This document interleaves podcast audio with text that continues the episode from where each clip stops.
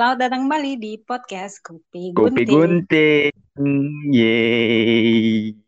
Yeay, kembali lagi bersama saya Nita dan Saya Dwi. bersama Nita dan Dwi lagi di minggu ini di hari Sabtu lagi ya. Hmm, pada kesempatan kali ini Hmm. saya Dwi dan Nita akan membahas hal-hal yang Mhm. santai dulu. Karena kita capek kan, hidup ini udah Iya. crowded banget ya. Apalagi dengan Hmm. adanya pandemi ini kita sudah pusing ya kan. Pusing, penat. Iya, Heeh. enggak rasa. Nah, kita mau lanjut langsung aja ke topik kita minggu ini. Jadi kita selama pandemi ini, aku lihat-lihat itu kan banyak yang akhirnya menemukan keahlian-ahlian baru tuh karena keseringan WFH kan, karena iseng-iseng Iya. ngapain, iseng ngapain, Mhm. bener kan? Terus aku Tepat lihat juga sekali. di mhm, di TikTok, di Twitter itu banyak yang mulai-mulai hobi baru tuh kayak knit knitting ya namanya ya, yang Ya, merajut. merajut betul. Terus waktu zaman Hmm. dulu banget nggak tahu dulu inget apa enggak itu kan ada dalgona coffee. Jadi semua orang tiba-tiba Oh, jadi tukang ah, kopi iya, gitu. aku ingat itu yang kopinya kental itu bukannya. Ya bener, bener bener dalgona kopi. Terus banyak tuh Hmm. sempet orang yang tiba-tiba hobi bersepeda. Oh iya, iya, tapi Kan? itu cenderung ke citra negatif sih sebenarnya kemarin sayangnya. Ya sih sayangnya sih begitu ya. Cuman ya itu Hmm. kan hobi-hobi baru yang baru-baru be- buat beberapa orang mungkin be- eh, baru aja dijalanin gitu. Mhm. Nah kalau buat kita sendiri nih, Wi, di di pandemi ini ada nggak hobi baru yang kayak jalanin atau ada nggak hobi yang kayak mulai itu telat gitu? Seharusnya mungkin kalau biasanya hobi itu kan dari kecil, ada yang dari kecil gitu kan, hobinya Mhm. apa gitu. Nah soalnya di Iya. aku sendiri tuh hobi yang akhirnya baru bisa dijalani itu malah saat kerja gitu. Oh Dari dulu gitu. deh. Eh, Hmm. dari aku dulu ya. Iya. Hmm, selama pandemi, jujur aku masih eh, bertahan dengan hobi lama sih, itu main game. Ya, aku pak eh, pakainya Nintendo Switch namanya. Oke. Nah, dan ma aku di sana main Pokemon. Oke. Eh, jadi itu apa namanya kegiatanku selama kalau misalnya di dalam kamar aku memang main game sih. Tapi Hmm. ada emang hobi yang aku tekunin juga pas lagi Hmm. pandemi ini tapi di luar kamar yaitu aku beli skateboard terus aku coba main Oh, oke. ya Mhm. jadi aku belum pernah nyoba sama sekali si skateboard itu benar-benar dari nol dan Mm-mm. aku dulu dari dulu emang pingin coba sih Ih, kayaknya seru bisa ngeluncur di atas papan seluncur gitu Wer, kayaknya seru dan akhirnya aku beli dan aku pokoknya intinya targetku tuh untuk saat ini cuman bisa meluncur aja sih di atas Oh. papannya itu dan akhirnya Mhm. bisa Oh, udah bisa nih sekarang berarti. iya tapi itu beberapa bulan yang lalu ya sekarang apa namanya karena sibuk kerja jadinya agak lupa dikit Oh, Eh, iya tapi iya iya setidaknya iya. aku mencoba Ya, ya, ya bener bener Mhm. loh. Yang penting kita coba dulu aja. Ntar bisa atau enggak tuh urusan belakangan. Tapi lama-lama tuh pasti bisa lah. Mm-mm. Nggak ada yang ya nggak bisa. ya Hmm. aku juga sebenarnya kalau misalnya trik-trik naik pak- pakai apa skateboard tuh mungkin agak susah ya aku pingin nyoba tapi Hmm. setidaknya untuk sementara aku pingin bisa ngeluncur aja seluncur aja gitu ser kayaknya emang enak itu Hmm. Eh, itu kalau aku sih untuk saat ini Berarti yang Nah, hobimu yang terakhir itu skateboard ini ya, Wi. Kalau yang foto tuh gimana, Wi? Sebelum ke aku.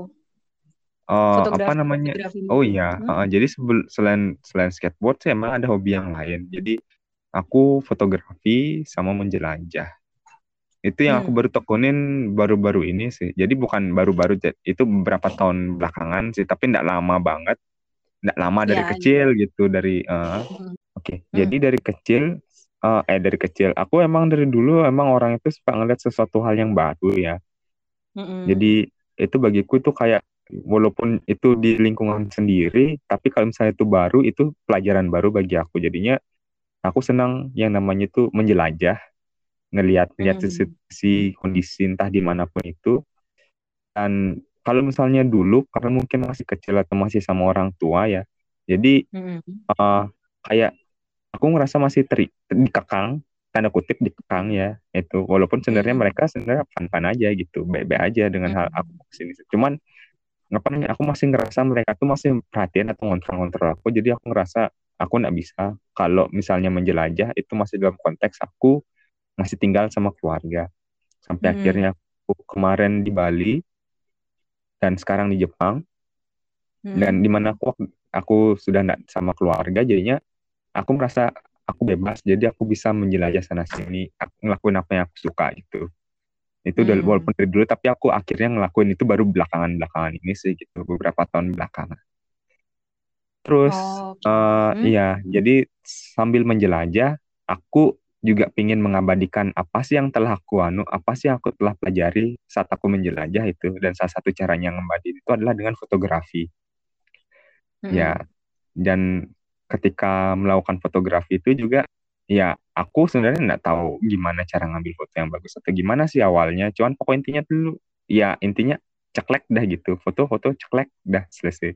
Sampai akhirnya aku ngerasa aku kayaknya uh, emang perlu sentuhan-sentuhan sudut pandang yang lain ya kira-kira untuk kira-kira biar ini benar-benar bagus gitu emang benar-benar berkesan gitu.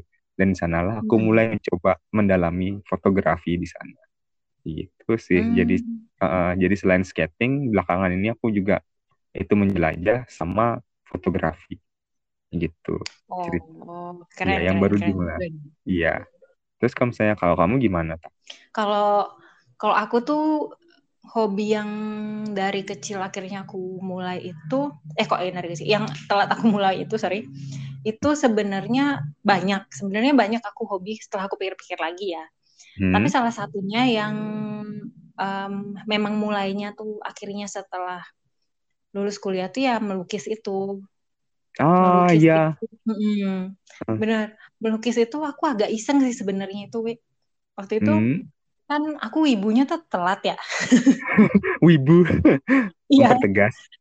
Iya kan, aku kan ngewibunya tuh telat. Jadi waktu aku masih kuliah, terus waktu kita zaman skripsian banyak kosong hmm. kan, akhirnya kan hmm. uh, dikasih kasih anime tuh, termasuk kayak juga ngasih aku anime-anime. Iya, tepat sekali. Kan? Nah, dari situ tuh baru tuh kok ada tertarik dengan gambar-gambaran kan biasalah hmm. husband husband husbando husbando. Husbando, iya. Husbando kan. Nah, akhirnya aku mulai gambar. Kalau gambarnya sejujurnya ya, sejujur-jujurnya aku tuh suka gambar dari SMP, cuman nggak aku jalanin. Karena hmm. waktu SMP tuh kayak iseng dan zaman itu kan belum ada sosmed ya. Jadi kita tuh nggak tahu kalau itu tuh bisa kalau ditakunin bisa sampai mana gitu dan aku emang anaknya nggak tekun ternyata kan bukan ya sih jujur jadi SMP tuh sebenarnya aku sempat suka gambar sampai temenku setelah ngelihat aku ngepost foto di foto gambar di Instagram tuh dia sampai nanya temenku waktu duduk bareng SMP hmm. ini kan kayak dulu suka gambar-gambar waktu SMP kok baru kayak jalan kok baru kayak kelihatan gambar lagi gitu kata dia terus aku hmm. pikiran juga oh iya ya aku udah dari SMP sebenarnya suka gambarnya gitu. Hmm. Tapi kalau hmm. dari lukisnya itu um, memang benar baru waktu setelah kerja karena waktu itu baru ada uangnya kan. Iya. Iya kan. Uh, aku Karena ternyata lumayan gitu. Jadi waktu aku um, kuliah akhir itu aku baru gambar, beli-beli kertas. Ternyata kertas yang buat gambar tuh lumayan lah. Hmm. Um, Emang harganya hmm. beda sama kertas-kertas biasa um, kalau yang ini tergantung eh tergantung nih tergantung kayak gambarnya mediumnya apa wi?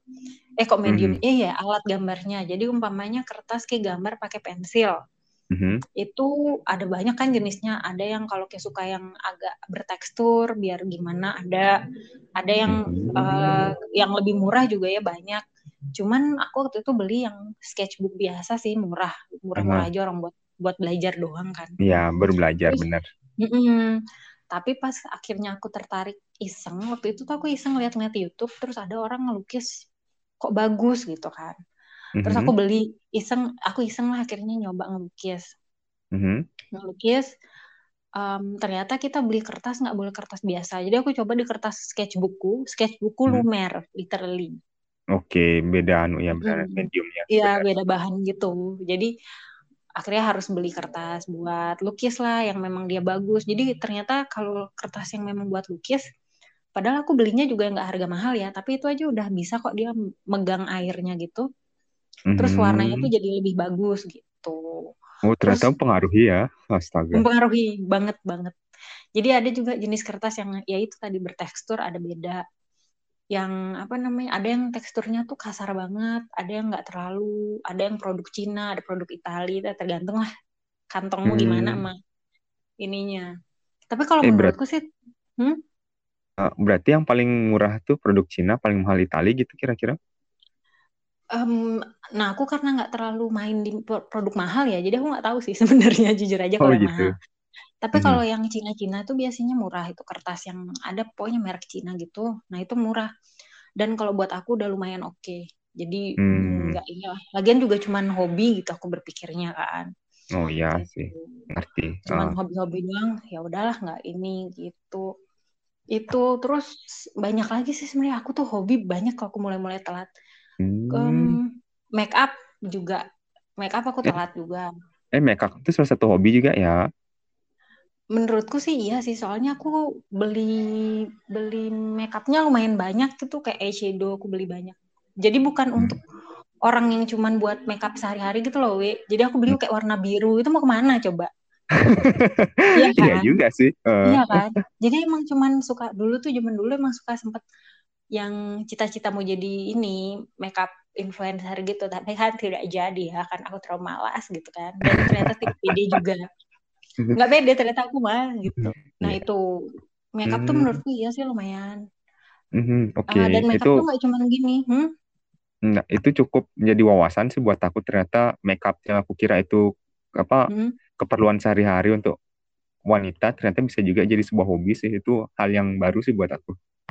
Ya pernah nggak kayak lihat cewek tuh lipstiknya warnanya sama tapi mereknya beda-beda terus punya sekantong. Nah itu tuh. Tidak pernah.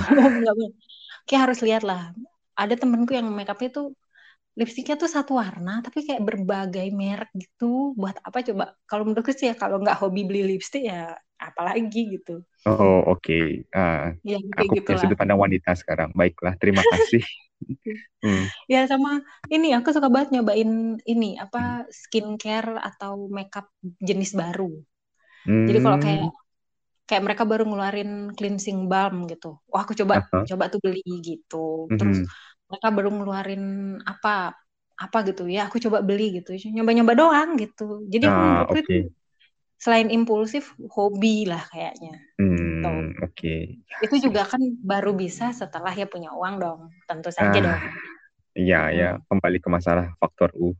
Iya, tapi hmm. uang. Jadi makanya hobi-hobi itu tuh telat telat mulainya gitu. Sama ini info kayaknya juga ya. Mm-hmm.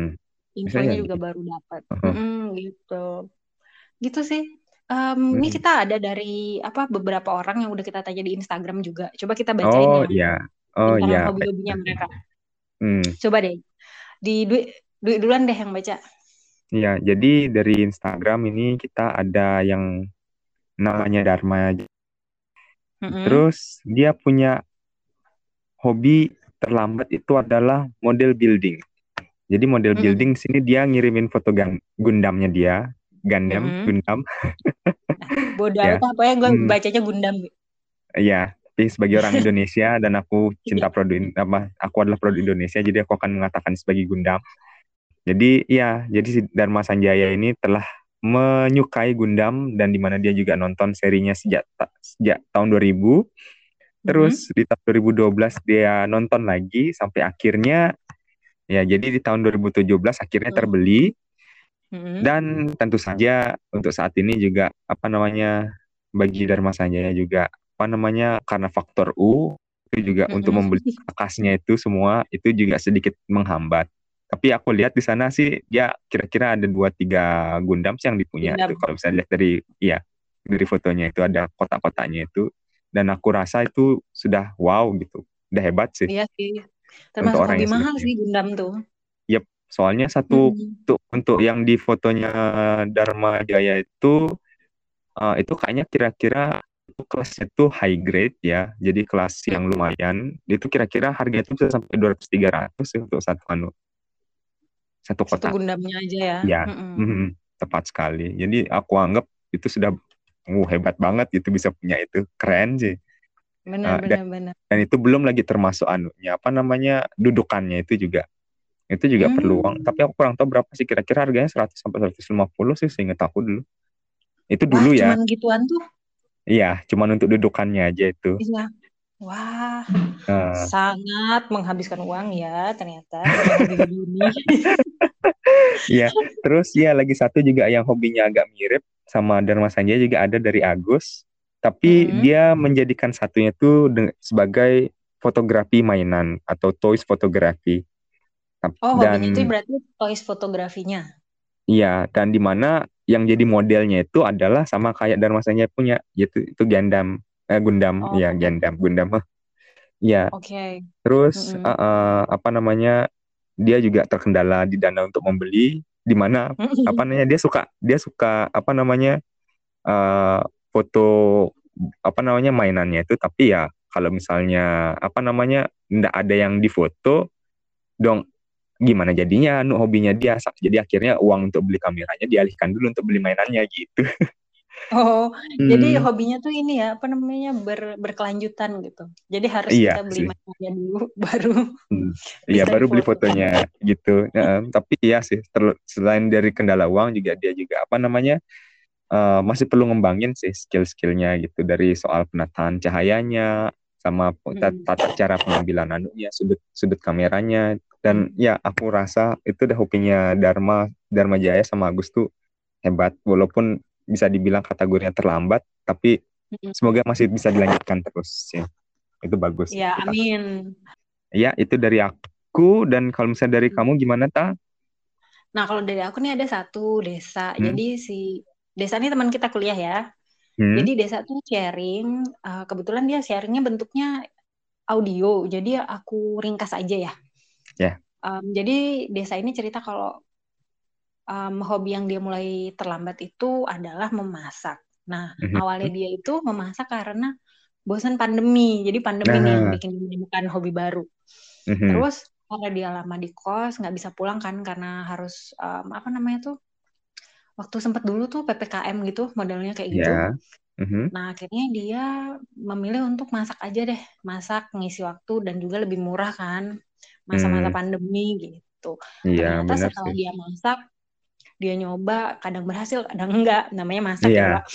Mm, benar kok. Betul. Nah, ternyata lama-lama dia enjoy juga melakukan itu gitu. Jadi menurut dia tuh memasak ini termasuk healing juga kayaknya nih mengisi waktu di saat bosan-bosan saat pandemi gitu. Biasanya katanya dia Iya, nyobain resep-resep itu yang viral-viral di TikTok gitu sama kayak aku berarti nih si desa. Terus eh, em, apa namanya? Oh ya, dia bilang tuh awalnya tuh dia kira masak itu ngebosenin kan kayak kita mesti em, apa namanya? nyiapin, kita mesti uh, bersih-bersihnya apa-apa gitu. Ternyata mhm. setelah dilakukan, oh cukup menyenangkan juga. Apalagi setelah itu kita bisa makan masakan hasil masak kita gitu. Jadi dia Hmm, akhirnya oke. jadi hobi deh dia memasak seperti Hmm, itu. ya itu Aku juga sama hobi. sih sama Desa nih. Hmm, Aku baru bisa masak setelah pandemi. belakangan ini lah, belakangan ini pandemi ini. Dan Hmm, dan baru sadar ternyata semua orang tuh bisa masak selama ya dia sih. mau nyoba. Ya. Ya, aku juga sempat baca Hmm. kok anunya sebuah Hmm. kutipan bahwa sebenarnya semua orang tuh bisa masak asal ada resep. Intinya gitu sih. Benar, benar, benar, So, benar. iya. Dan apa ya namanya tuh, Kak, jadi kalau ada orang bilang aku nggak bisa masak itu kayaknya belum nyoba aja sih sama Iya ya sih. iya kan? Padahal cuma ikut ikutin resepnya aja dah gimana resepnya. Hmm, mm-mm, benar. Kecuali kalau baking ya, baking itu emang rada susah tuh kalau baking karena Ya. em, temperatur gitu-gitu tuh sangat-sangat mempengaruhi kekalisan dan apa. Ya kalau masak cuma numis mah gampang lah. Iya sih, emang benar. Tapi pada akhirnya juga emang ngikutin resep kan baking itu dengan suhu Ya, sekian gitu. sih. Heeh. Iya, dan juga mungkin. Hmm. mm, iya dan juga masak-masak tuh juga sebenarnya kadang kayak gimana ya, kayak uji coba ke diri sendiri juga sih kayak resepnya ini ini benar bisa dipraktekin nggak ya gitu. Itu udah kayak Iya, dibilang tadi benar atau gagal. Dan kalaupun misalnya resepnya itu benar, pas di mulut kita tuh emang beneran enak atau enggak itu juga beneran sebuah gambling sih. Jadi itu yang kalau menurut aku pribadi kayak ah ntar besok coba ah dengan dengan resep yang sedikit beda kayak kemarin gitu. Jadi kita itu setting-setting sendiri sih gitu anunya cita rasanya kurang lebih kayak gitu sih. Nah terus eh, apa Hmm. namanya setelah eh, kira-kira ada lagi anunya apa namanya Em, info ininya pembaca apa eh, dari pembaca eh dari pembaca enggak eh, eh. Enggak, enggak. Kebetulan sekian saja. Terima kasih untuk yang udah mau share pengalamannya buat kita. Jadi kita ada bahan. Ya, terima kasih hmm. banyak. Hmm. Oke. Okay. Jadi ya kalau apa hmm. setelah dengar dari masukan-masukan tadi dari teman-teman yang sudah mau ber dan uh, mengenai hobinya dan juga dengar dari kamu, aku aku malah nangkepnya tuh kayaknya emang pada akhirnya hobi itu jatuhnya ke faktor U deh. Kayaknya. Um, iya juga ya. I iya sih hmm. juga ya. Dan nyambung ke pertanyaan eh, obrolan kita selanjutnya itu yaitu adalah apakah hobi berprivilege? Mungkin jawabannya iya ya. Hmm, iya sih ya. Kalau misalnya kita ngomongin ke U-nya sih ya, kalau menurut aku. Hmm. Tapi, Tapi ya. selain U, mm-hmm. ada juga sih, W, selain faktor, selain privilege-nya itu adalah materi ya, punya mm-hmm. uang untuk berhobi, mm-hmm. tapi juga info sih menurut aku. Jadi kayak info. yang kasusku mm-hmm. itu, mm-mm, kasusku itu kan aku nggak nggak punya informasi ke mana nih harus ngembangin waktu aku SMP tuh mau gambar. Aku hmm. rasa kayaknya aku nggak nggak cuma satu-satunya deh anak dari kampung yang nggak tahu hobinya tuh harus dibawa ke mana dan akhirnya nggak ke mana-mana gitu. Kalau di kota kan ada les gambar, kita di kampung mana ada les gambar apaan tuh les gambar? Iya sih benar ya, juga kan? sih. Uh. Ya kayak gitu. Terus um, mungkin waktu juga ya, karena beberapa orang kan nggak punya waktu ya untuk menjalani hobi kan juga. Jadi privilege juga sih mungkin ya. Ya, jangankan waktu, kayaknya juga ada ada orang yang bahkan nggak tahu hobi itu apa kali ya. Iya, jadi iya, itu itu iya. beneran sumpah kayak anu, kayak jadi contohnya tuh ada senior aku di sini. Hmm. Jadi apa namanya? Aku sempat iseng-iseng nanya, nanya sih gitu kayak punya hobi enggak gitu dan dia jawab katanya dia enggak punya hobi dan aku kaget, "Hah? Hmm. Kayaknya selama aku hidup sampai titik ini tuh semua orang tuh punya hobi deh, setidaknya tuh apa sesuatu yang mereka sukai gitu." setelah aku coba hmm. iseng tanya lagi kira-kira ada yang suka apa nih yang disukain enggak kayak mungkin suka main bola gitu atau apa gitu walaupun enggak sampai hobi lah gitu katanya enggak hmm. ada gitu bahkan olahraga atau apa pun dia enggak hobi gitu atau enggak sesuatu yang kira-kira bisa bikin penasaran katanya juga enggak ada gitu situ kaget eh oh berarti kayaknya yang orang-orang punya hobi itu kayaknya orang yang memang punya privilege kali ya gitu situ aku sempat iya, kaget mungkin. Gitu. Uh. Atau dia nggak tahu apa yang dia lakukan itu hobi nggak mungkin, we. Um, soalnya aku punya temen, dia bilang gitu kan, eh aku tuh nggak punya hobi kayak kayak, tapi aku lihat dia tuh suka banget nyobain tempat makan baru. Menurutku mungkin hobinya tuh nyoba makanan baru. Hmm, aku sejauh ini juga se sudah se sering ngajak dia sana sini sana sini, tapi entah itu makanan baru atau apa pun kebiasaannya dia tuh tuh emang pada akhirnya nggak ada menunjukkan tanda-tanda itu adalah sebuah hobi sih gitu. Jadi kayak hmm angka nih aku mikir gitu sumpah. Iya sih ya mungkin ya. Iya sih uh, ya ya kayaknya jadi, memang kayak, hobi itu privilege deh. Jadi karena emang dia hmm. dari desa kan jadinya uh, mungkin karena kurang tahu apa-apa gitu mengenai sesuatu jadi mungkin di sana lah dia apa namanya kayak lebih baiknya pada akhirnya diam sih gitu. Dan iya sih ya aku juga uh, dari desa waktu itu juga aku nggak tahu hobiku itu ya. Ya juga hmm. sih ya. Aku kira dulu tuh hobiku membaca aja. Aha, oke. Okay.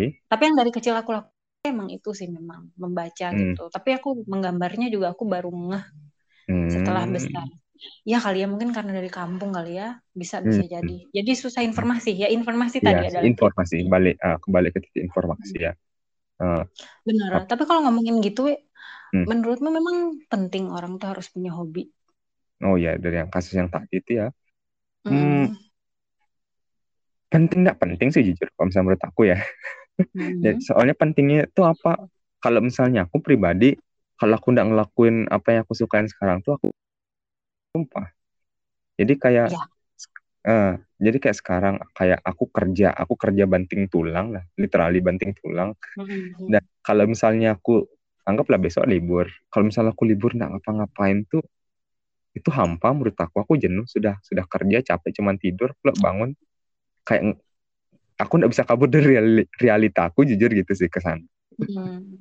uh, jadinya bagi ya, aku ya, tuh ya. itu jenuh sih bagi aku kejenuhan takutnya stres sih gitu kalau ya.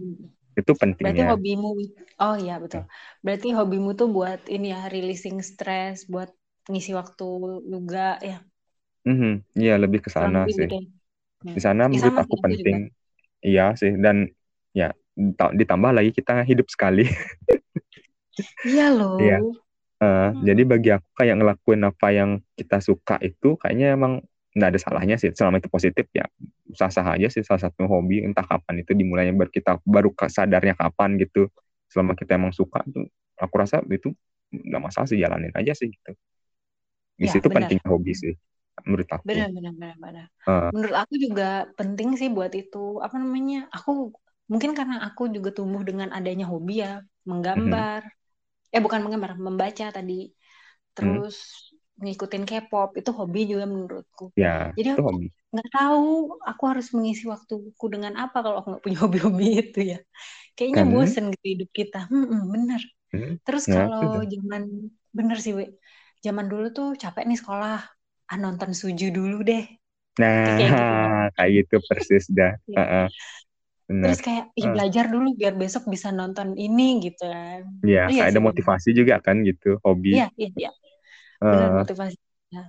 Kerja iya. juga motivasinya hobi kan. Ih, biar bisa beli Gundam baru nih iya, gitu kan. Bener banget. kalau misalnya ada nggak kerja, nggak ada Gundam baru, bener sih gitu. Aku juga kalau misalnya ada nggak kerja, mungkin juga nggak menjelajah, mungkin ada uang untuk itu. Hmm, hmm. bener sih. Berarti ya, poinnya dua nih penting bisa buat motivasi juga wi yang tadi iya itu iya. pentingnya iya. hobi sih uh, terus tapi hmm. itu dan tidak pentingnya itu ya karena itu ngabisin waktu dan uang sih di sisi lain kalau menurut aku eh, ngabisin uang satu tapi hmm. di sisi lain juga waktu yang mungkin kita bisa pakai untuk lebih produktif mungkin di sana itu eh justru hmm. kita pakai untuk hobi kita gitu sih ya sih tapi kayak kayak seneng nggak menghabiskan waktu untuk hobimu itu uh, aku pribadi hobi nggak ada yang salah sih gitu. Karena itu bikin kita senang sih. Hmm. itu ya kalau menurut kalau menurut aku sih selama kita menghabiskan waktunya kitanya senang ya nggak apa-apa sih kalau aku sih. Soalnya kita juga habis uang dan biasa-biasa aja tuh senang-senang aja kalau di hobi kita. Jadi ya udahlah gitu. Jadi ya itu sih. Ada ada yang anggap itu tuh tidak penting Iya, mungkin orang itu nggak ngerti eh, ini senengnya aja sih. Kayak apa ya aku tuh nggak ngerti orang ntar lo ya hmm, nah aku juga nggak ngerti orang yang hobi ngumpulin tas mahal contohnya jadi kalau aku ngeliatin yang ibu-ibu di TV sosialita yang ngumpul-ngumpulin tas Hermes 3 miliar, 3 miliar kecil deh kayaknya, 15 miliar gitu-gitu. Aku ngerasa kayak, ya ampun, ini buat apa gitu, cuman Bener. ya cuman kalau kata Ivan Gunawan tuh bener-bener sama kok jadi dibawa pulang dipajang aja di rak kacanya dia itu terus dia pulang bang pulang kerja dia ngeliatin tasnya itu aja udah seneng katanya ya itulah namanya hmm. hobi ya kita nggak hmm. bisa menjelaskan logikanya di mana iya oke okay. hmm. berarti kita bisa ambil kesimpulan sini yang penting hobi itu bisa bikin kita senang dah itu aja betul betul betul sekali karena yang paling penting di dunia ini adalah diri kita sendiri guys hmm ya sih hmm. ingat itu sih uh, jadi apa pun orang lain katakan ya udah selama kita ngelakuin tidak yang merugikan orang lain ya sudah lakukan saja. Hmm, walaupun itu ngabisin uang 15 miliar itu juga uang kita sendiri ya.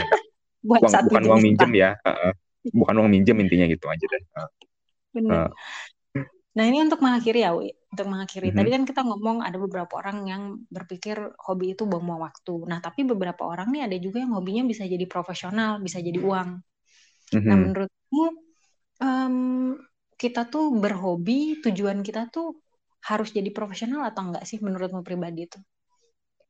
Kalau menurut aku, gitu. hmm? ya, ya, uh, aku ingat sih sebenarnya ada ada ada yang bilang kalau kita tuh harus punya tiga hobi. Saat hmm. aku lupa sih detailnya, cuman kalau nggak salah tuh satu tuh yang memang bikin kita senang, satu yang bikin hmm. kita berkembang, sama satu tuh yang bisa hmm. menghasilkan uang gitu. Hmm. Nah itu sih, tapi kalau misalnya bagi aku hobi itu bagaimana cara kita menikmati hidup sih menurut aku ya. Dan walaupun kita apa namanya kayak terla, apa terlambat menyadari gitu loh. Ah, oh iya hmm. ya. Aku lo iya. sukanya gini gitu. Uh, walaupun itu terlambat kita nyadarin itu aku rasa ya silahkan lakuin aja sih gitu. Yang namanya ya, hobi itu terlepas terlepas itu entah itu akan apa menghasilkan uang lah atau apa pun itu ya sekarang sih emang orientasinya banyak orang uang sih ya tapi ya. sekarang itu bagi aku itu bagaimana kita men, apa bagaimana kita bisa merasakan kebahagiaan untuk diri kita sendiri deh untuk sekarang itu hmm.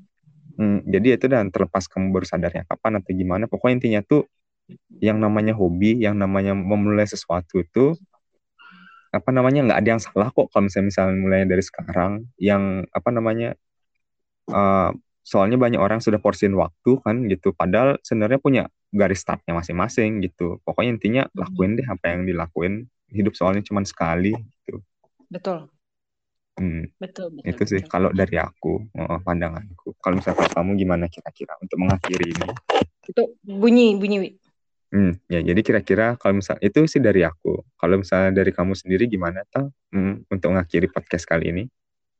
Oke, kalau aku sebenarnya sih sama sih. Um, ada beberapa orang mungkin yang cukup beruntung hobinya tuh bisa jadi pekerjaan, uh, sehingga kan ada tuh bahasa uh, jadikanlah hobimu pekerjaan, jadi pekerjaanmu tuh nggak berasa bekerja gitu. Tapi mm -hmm. aku mm-hmm. lihat-lihat beberapa orang yang yang dia tuh hobi menggambar, terus pekerjaannya itu menggambar, mereka tuh malah bingung hobi yang lain nyari hobi yang lain gitu karena okay. ya beberapa orang seperti kita kan hobi kita tuh jadi tempat kita untuk refresh gitu ya. Refresh gitu.